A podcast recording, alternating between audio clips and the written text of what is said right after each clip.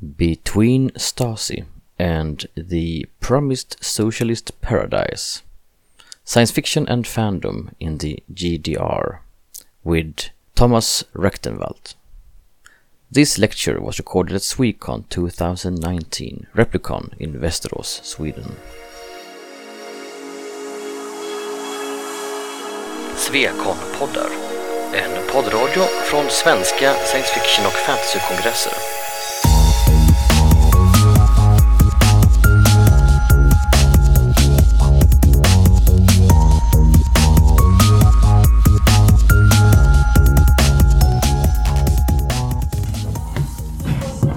Guten Tag, good afternoon. My name is Thomas Recktenwald. I'm from Germany, um, from West Germany to be more precise. So I have no first-hand experience of living in the German Democratic Republic, being a fan there, being a science fiction reader. But um, I grew up in a part of West Germany which has borders to Luxembourg and France now live in the higher part of the Black Forest.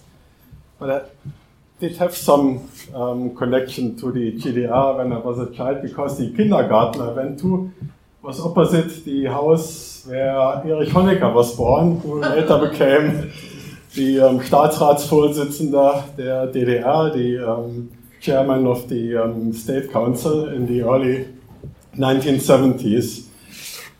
I came into fandom in, in the end of 1982, and um, my first visit to the German Democratic Republic was in 1985. We had the German, the, the West National Science Fiction Convention in West Berlin, and um, one of the members of the local club, I was also a member. He was also a member of the um, Social Democrats, the youth organization, and they organized some um, conferences in Eastern Germany. So they met two young women. And uh, so after the German National Convention in 85, we visited the German Democratic Republic. It was the, the first time for me. And um, we became pen pals. But these two ladies were not in fandom. Then later, in must have been end of 87 or beginning of 88. Um, Karsten Kruschel, who now is one of the um, best science fiction writers we have in Germany, wrote his thesis about science fiction. He studied Germanistics and he was looking for, for people who could trade science fiction books with him. Um, he was allowed to receive Western science fiction and um, so I contacted him and um, was looking for, for cheap paperbacks. The um, outlets you had in the um, supermarkets um, or shops um, used or damaged books you could buy for one or two Deutschmarks at that time. And in exchange, I got a huge selection of East German science fiction. Um, and I visited him in um, the spring of 1989 when there was already some turmoil in the German Democratic Republic. And um, I'd like to, to, start with a short history. Um, we here in, in, the western part of Europe, um, depends on your age, we experienced uh, a lot of political and, and, cultural influences from Western Europe, from, from the United States. So you're perhaps familiar with some movements, the 1968 student rebellion and Vietnam War protesters and the um, environmental groups that were established in the late 70s or early 80s, and also pop culture, in London, blue jeans, and um, the people in the German Democratic Republic um, had to look towards Moscow. And there were some ice ages, there were some periods, some warmer periods, there were some events which led to more surveillance. And um, you see here, people sometimes, especially young people, got more freedom. Um, first in the 1950s or early 60s, rock and roll blue jeans, Coca-Cola were considered as um, Western um, decadent items um, to influence the, the, young people in the German Democratic Republic. In later years, um, politicians told younger people, we, we don't care how you dance or which clothes you wear or what you like. Um, and then we had these um, situations like the, the Prague Spring, um, where politicians in the German Democratic Republic were afraid of some viruses came over from, from the Czech Republic, and so um, they protected their borders. And in the early 1970s, um, especially under Chancellor Willy Brandt, there were these, um, it was called Annäherung, approaching the two systems. We, we had some um, treaties, uh, more freedom. Um, people in West Germany could send parcels, Christmas parcels to East Germany. And um, then we had these um, Helsinki final act, um, which could give more freedom to um, human rights groups in, in East Germany, but um, the, the, consequence was more surveillance by the uh, Ministry for State Security. And um, then, when, when Gorbachev came up with, with his ideas, um, politicians in the GDR claimed we don't have to copy everything from Russia or the Soviet Union. So it, it was the, the other way around. Um, in the 60s, 70s, there, there was a saying, um, learning from Soviet Union means um, win, learn how to win or how to succeed. And um, there were some, some mass protests and um, people leaving the German Democratic Republic first via Hungary, then um, directly from the um, German Democratic Republic, and in 1989 this came down. This is an original piece from the Berlin Wall, sent to me by uh, from a East Berlin science fiction fan, Siegfried Breuer, and I will give it to the North auction. So if one of you is interested in having it, um, I wrote a little certificate. You have to believe me. It's, um, I can can pass it around It's hard to damage, so you don't have to be careful. so, the um, German, the East German science fiction writers uh, had it not so easy as in, in West Germany. You, you, wrote a manuscript, you were looking for a publisher. Um, there was a common problem in East Germany called contingent, quota, or quantity of goods, which meant um, there was only a certain quantity of especially um, goods like paper or bananas and um, crude oil from the Soviet Union, natural gas and, and other things. Um, they had to pay with real currency, hard money. And so it was um, on, on, one hand it was a problem to get your manuscript through the censorship, um, and on the other hand, the, your publisher had to have enough paper to publish your work. There, was of course the high literature in the GDR, and there was always enough paper to reprint the works of Karl Marx, Friedrich Engels, and Lenin, but sometimes not enough for East German science fiction authors.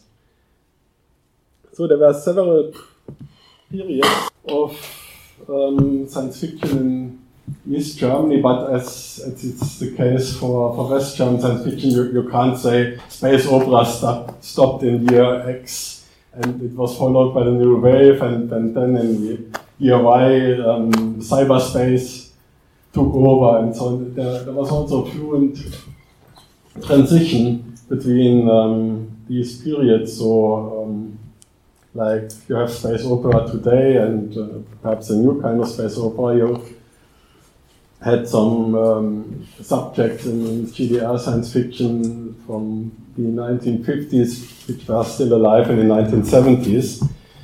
So if you imagine you were a East German science fiction fan after 1989 and you wanted to spend 10 years of your life doing a lot of research, find out what was published, when it was published, what kind of reprints there were from um, primary literature, from non-fiction literature, every review in a newspaper, um, novels and short stories published by East German authors, published by authors from the um, Soviet Union and, and the so-called socialist brother states, translations from Western science fiction, and after 10 years you, you collected a lot of material and then you found a publisher and in the end you got that. It's a nearly complete collection of all science fiction published. It contains no, no reviews, no longer texts, uh, only a lot of cover illustrations, um, information when a novel appeared, um, print run, and um, other um, bibliographic information. So the science fiction in the GDR started in the um, after World War II with some um, children's novels. They had an adventure series, booklets, which contained um, mostly adventure stories and um, perhaps some crime stories and, and, a couple of science fiction novelettes. The print run is um, indicated with more than 150,000 copies, but people were not sure if, if that was the, the number um, they were allowed to print, if it was the, the real number. And then you had the so-called Aufbau Romane. The um, Aufbau means reconstruction, building up, building up a society, building up an economy. So every um, literature, movie, um, artwork um, in the beginning of the German Democratic Republic should contribute to the social and socialist development of the German Democratic Republic. The, um, whereas in West Germany we had some influence from, of course, from the United States, from British science fiction, and um, West German authors tried to copy people like Asimov or Heinlein. Um, the German Democratic Republic followed more the tradition of the Weimar Republic. Um, but um, authors like Hans Dominik um, wrote about the competition between nations, so the um, let's say make Germany great again after World War One, build bigger airplanes, ships, um, industry, make inventions, discover new material, and um, the German Democratic Republic followed this tradition, but here it was a competition. But on, on the one hand, you had the socialist system led by the Soviet Union, on the other hand, the capitalist system, mostly the United States and um, sometimes West Germany as direct class enemy. And you see here um, two examples of these so-called Aufbau-Romane. Um, it's about inventions or findings of, of, new material, new energy sources. And um, in the, the left one, you had a discovery of a new fuel and in the right one, it's a method to transform radioactivity directly into electricity. And if you look at the, the bottom of the, the novels, of the, the book covers, you see on the, on the left Zukunftsroman, which means future novel, because in the beginning they didn't want the capitalist expression science fiction, but for, for another expression, and um, but Zukunftsroman, future novel is a little misleading because it's, it's not a novel about prophecy.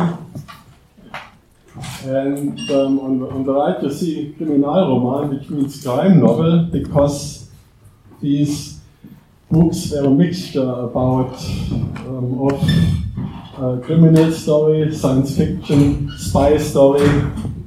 You had um, the um, socialist, in most cases um, East German engineer or scientist, who made an invention, and you had the um, capitalist enemies who wanted to steal it, to spy about it, to sabotage it, to destroy the, the invention or the um, things connected to the invention. And so a lot of these um, early science fiction novels were um, followed this scheme. And then um, with the Sputnik shock came the um, space race. Some, some authors wrote about um, spaceships, construction of, of, spaceships like in the United States 20 years earlier by Heinlein and others. And um, so you have a, it's, it's like a kind of Star Trek like um, description of um, first contact, and um, you had these alien people speaking a language both could understand, no, no cultural problems. And this was also the, um, the moment where they produced science fiction movies. Um, there's a movie that is um, based on this novel, Asteroid Hunters. It's um, Signale, ein Weltraumabenteuer Signals, um, Outer Space Adventure. It's one of the later science fiction films. It's about um, astronauts who take care of meteoroids and, and asteroids and um, protect Earth from it. And they also find a, a terrestrial spaceship which contains a, a message from an alien civilization. And these movies were always co-productions with other socialist countries. Here it's between the GDR and Poland. And the, the very first one was also a collaboration between GDR and Poland. It's based on a novel by Stanislav Lem.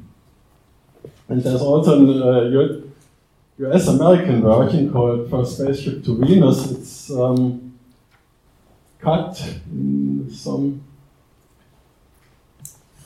aspects and you can find it, I think you can find it on YouTube, the, the American version at least. And that's another one between um, GDR, Soviet Union, and um, Bulgaria about spaceships vanishing in, in, some sector of the Milky Way. And um, here we have um, The Dust of Stars, which um, is, is a film that contains a, a lot of, of, aspects from the um, also from the science fiction novels of that age. You have a terrestrial spaceship manned by um, astronauts from the United Earth and or from from uh, socialist countries. They fly to a planet, encounter enslaved people, and initialize a rebellion, and in the end, um, the other planet has a socialist future. It's a lot of a lot of novels following that scheme. And so sometimes people were asking, but yeah, they're only waiting for, for astronauts from Earth to start a rebellion. So they have enough resources to do it by themselves. And in the beginning of the, the 1970s, um, some authors were tired of all these space adventures and um, they used science fiction as a medium to satirize their society because you normally you had more freedom writing science fiction. Um, you could put the, the problems of the German Democratic Republic to another solar system, to, to another population. And um, so the, the censors, in, in many cases, didn't understand science fiction at all. They considered it as a fairy tale or fantasy. And um, from the 1970s on, the, um, the label changed from future novel and um, scientific fantastic more, more or less to science fiction. They adopted it, and um, when in 1987 the lexicon appeared about GDR Science Fiction, they called it die Science Fiction der DDR-Autoren und Werke, Science Fiction of the GDR-Authors and works. So the, these authors used, for example, the, the bureaucracy in the GDR, the um, shortage of goods. Um, you, you, can imagine um, people of the GDR were, were always used to queue. They call it socialist waiting community um, because um, through some channels you learned about. And next week, your, your local um, store will get a supply of, say, flower pots. And then you went there, you queued, and you bought a dozen of flower pots because you never knew when the next delivery will appear. And in, in the neighboring city, there, there was a delivery of garden tools, so people went there and bought a lot of garden tools. And so you had to know someone, if you were in need of a garden tool, you, you called him and, and told him, I have some flower pots, can we exchange it for a spade or another item?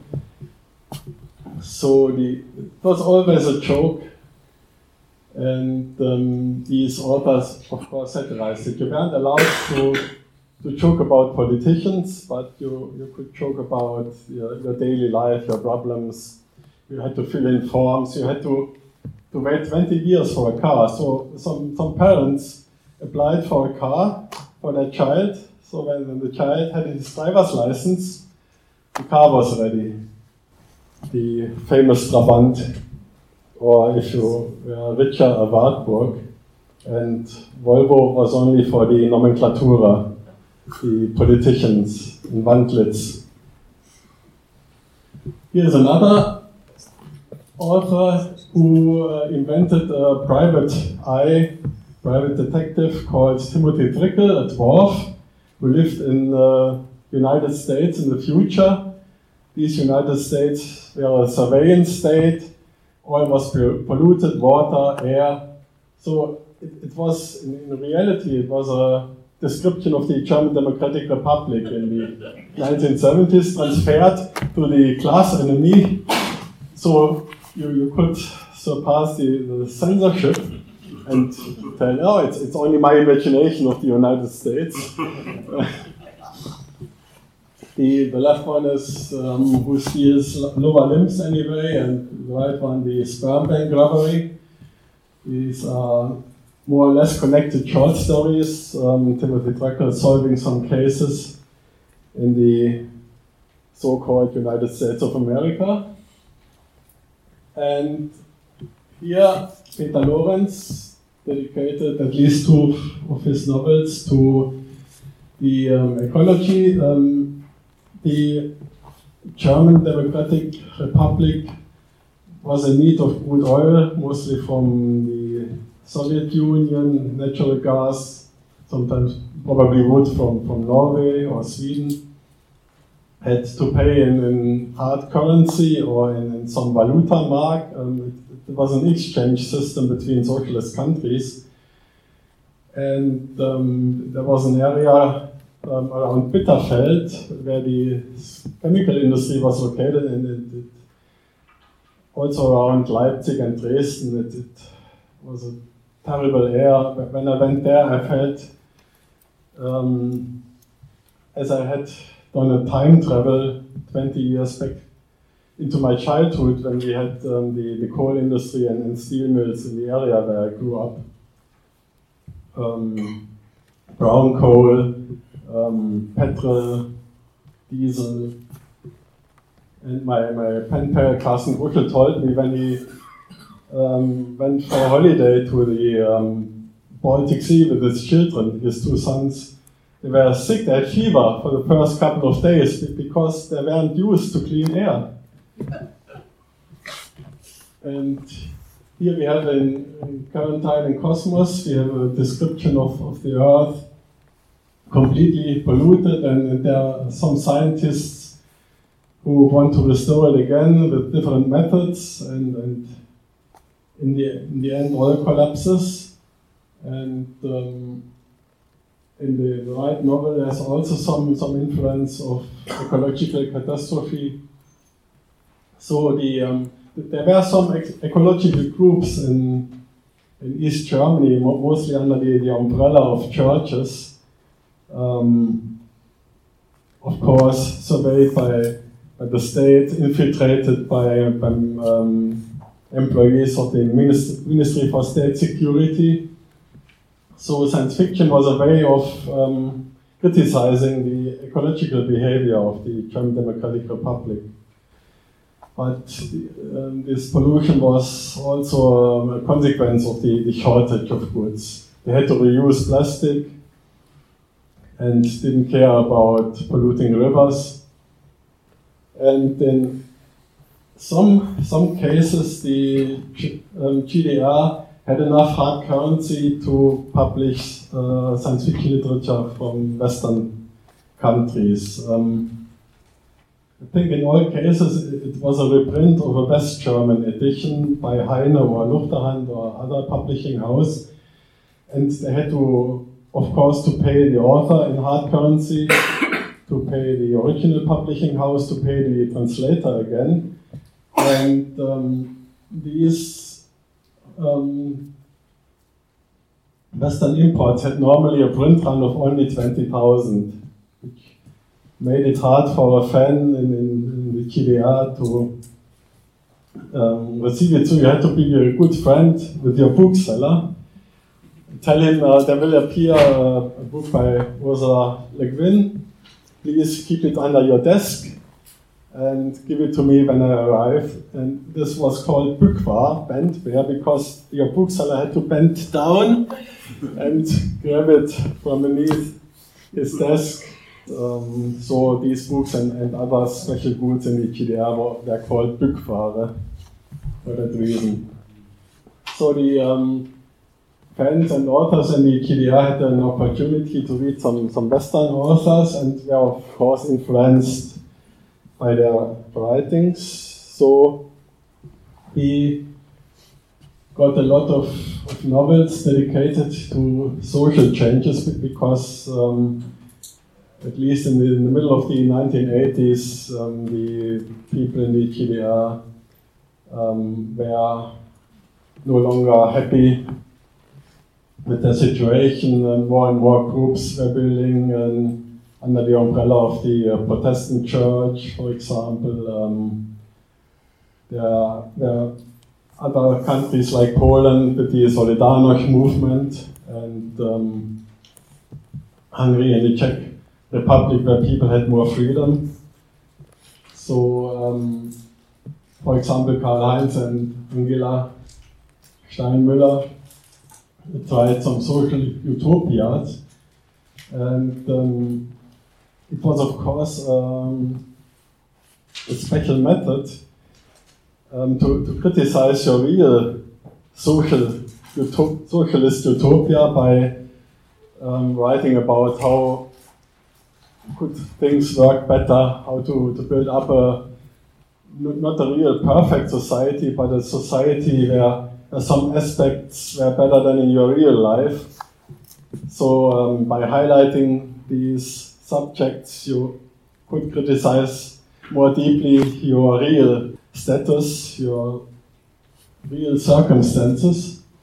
And um, there were also some, some novels who couldn't appear in the, German Democratic Republic, but they were sold, for example, to, to Suhrkamp, a Swiss publishing house, because the GDR could get some real currency from it. The, the authors didn't receive Westmark or Swiss francs. They received um, the mark der DDR, but um, all these hard, hard currencies wandered to Alexander Schalck-Golodkowski and other people who bought some, some Western products for the nomenclatura, of course. And this is a prestigious um, object in the GDR. Didn't have a science fiction magazine. And the Lichtjahr books in, in square format were printed on high quality paper, had interior color illustrations, and uh, were a kind of magazine containing short stories, essays, um, bibliographies, and so on. And um, number seven was ready for printing, then the GDR collapsed, and um, sometime later the uh, Science Fiction Club of Germany um, organized to get it printed by promising to, to take 350 copies for its members. So uh, Lichtjahr 7 looks a little more glossy than the other ones. That's the reason it was produced after the collapse of the GDR. So, then we have fandom in GDR. Of course, not only the um, books were, the information about books were collected, but other fans produced um, books and, and fanzines about the history of um, GDR fandom. In, on the left, you have a book dedicated to a lot of clubs, um, reports from a parallel world. Unfortunately, I hadn't been in my apartment in the Black Forest. Um, the, in, the middle one is uh, 10, 10 years of the um, Freundeskreis Science Fiction Leipzig, Circle of Friends of Science Fiction Leipzig. And the right one is a smaller book, um, Fanzines, in the GDR, which lists all, I think really all fanzines produced ever in the GDR. And here you have uh, statistics across the years, number of fanzines, number of issues. Some fanzines were only personal scenes circulated um, among friends. Some were collaborations of, of, club members. At least one fanzine was a photographed fanzine, a fan who sent negatives to his friends and they could de develop it and um, compile a fanzine. Here are some cover illustrations. It, it, was a very, very simple structure like in, in West Germany in the 1960s or United States in the 1940s or 50s. And uh, there were a, a, lot of, of clubs in the German Democratic Republic in, in major cities, especially in universities. Um, you, you could, of course, meet with your friends in your living room. But if you wanted to, get in contact with other groups, you had to belong to the, your, your club had to belong to the Kulturbund, the um, cultural association, which was a kind of umbrella organization for, for amateurs, like, for example, amateur astronomers or stamp collectors. There is a, there's one special case in the um, GDR, the Stanislav Lem Club, um, which was dissolved um, there was a woman, I, I assume he, he was a kind of trophy hunter. She, he was, a, of course, in the Socialist Party and um, wanted to push her career. And he found some, some reason. Um, it was a little blurry to, to accuse someone for anti-social, anti-socialist behavior, for collaborating with your class enemy. It, it's like in, in China or, or Turkey nowadays. Um, you're not always sure if, if something can, can be held against you. Um, she claimed um, one of the authors was circulating his manuscript and, and um, he accused him of spreading anti socialist ideas and so on. And um, So Wolf Krohn was expelled from, from the university, He had to work as a worker in a, the chemical industry and um, for Nightwatch. And also founding member Ralf Peter Krämer was expelled, but luckily he had already his diploma in physics. And um, this November in, in Dresden we will have Pentacon, and um, it's 50 years after the um, founding of the Stanislav Lem Club, so it will be a special, a special subject at that convention. And here we have the first GDR convention planned for October 19 to 21, but in October the 3rd there was the German reunification, so the so-called first GDR convention um, became the fourth days of the fantastic art in Berlin. And um, if you were a citizen or a science fiction fan in the GDR, you had to be very patient. Thank you. Some questions?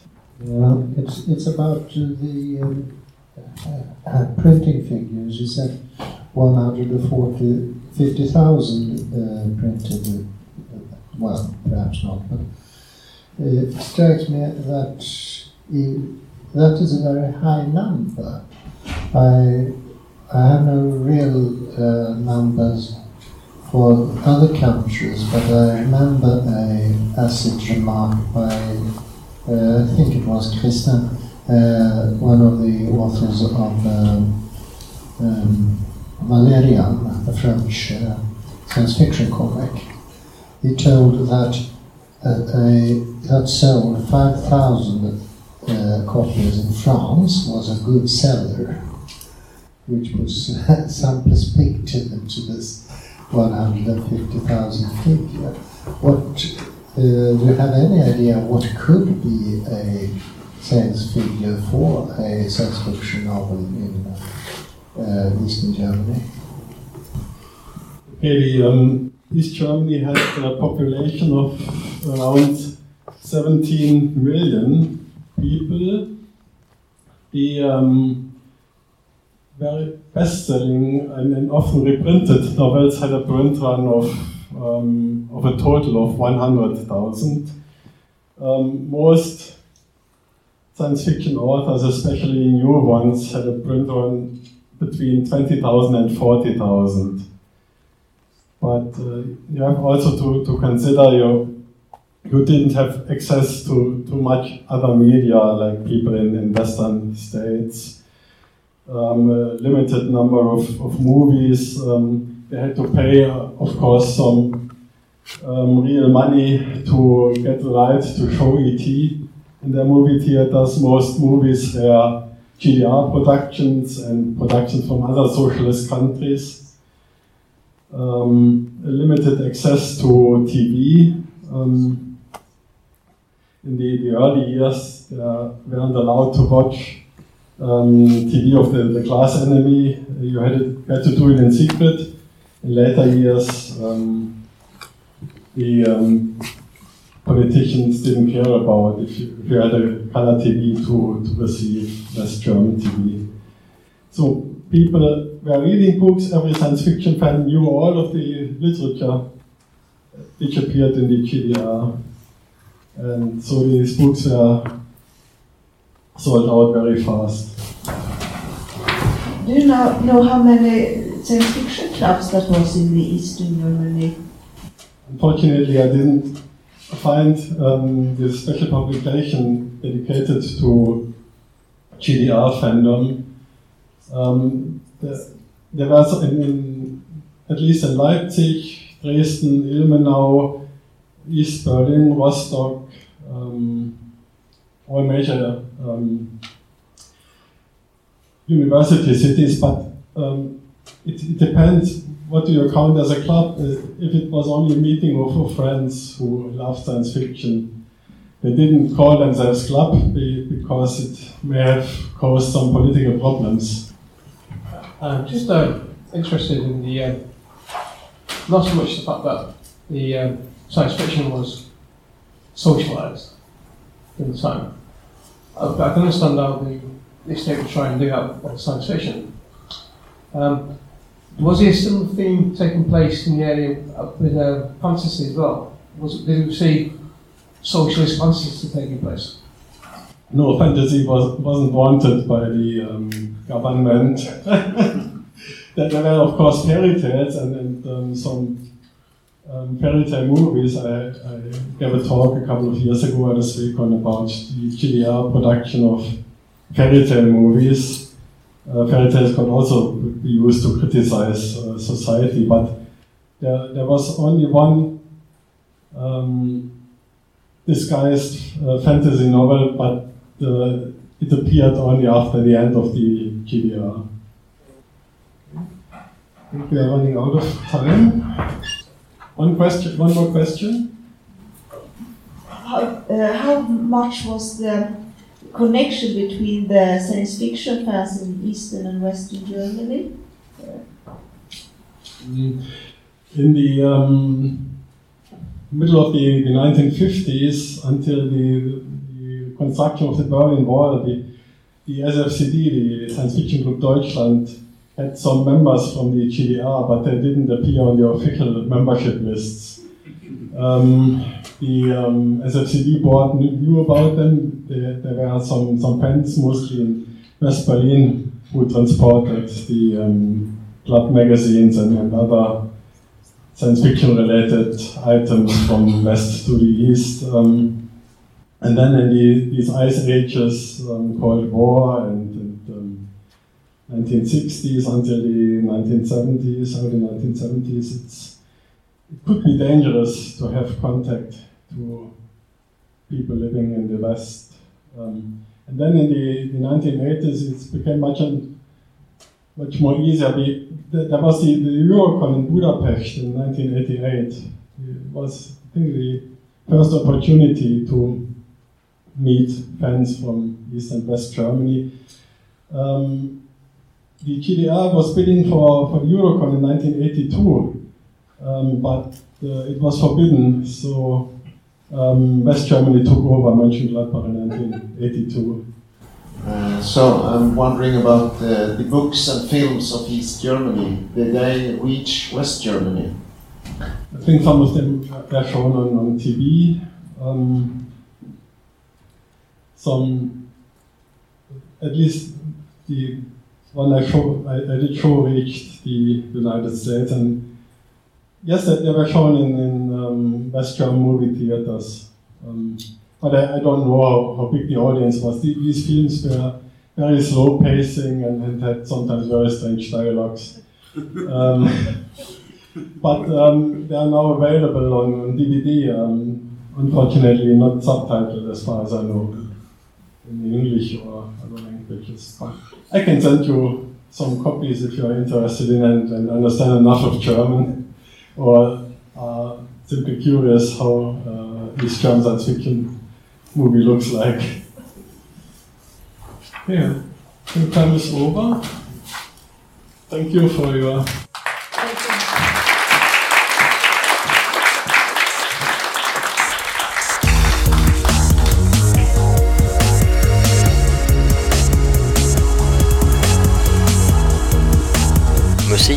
av Psychedelic Pedestrian från Free Music Archive.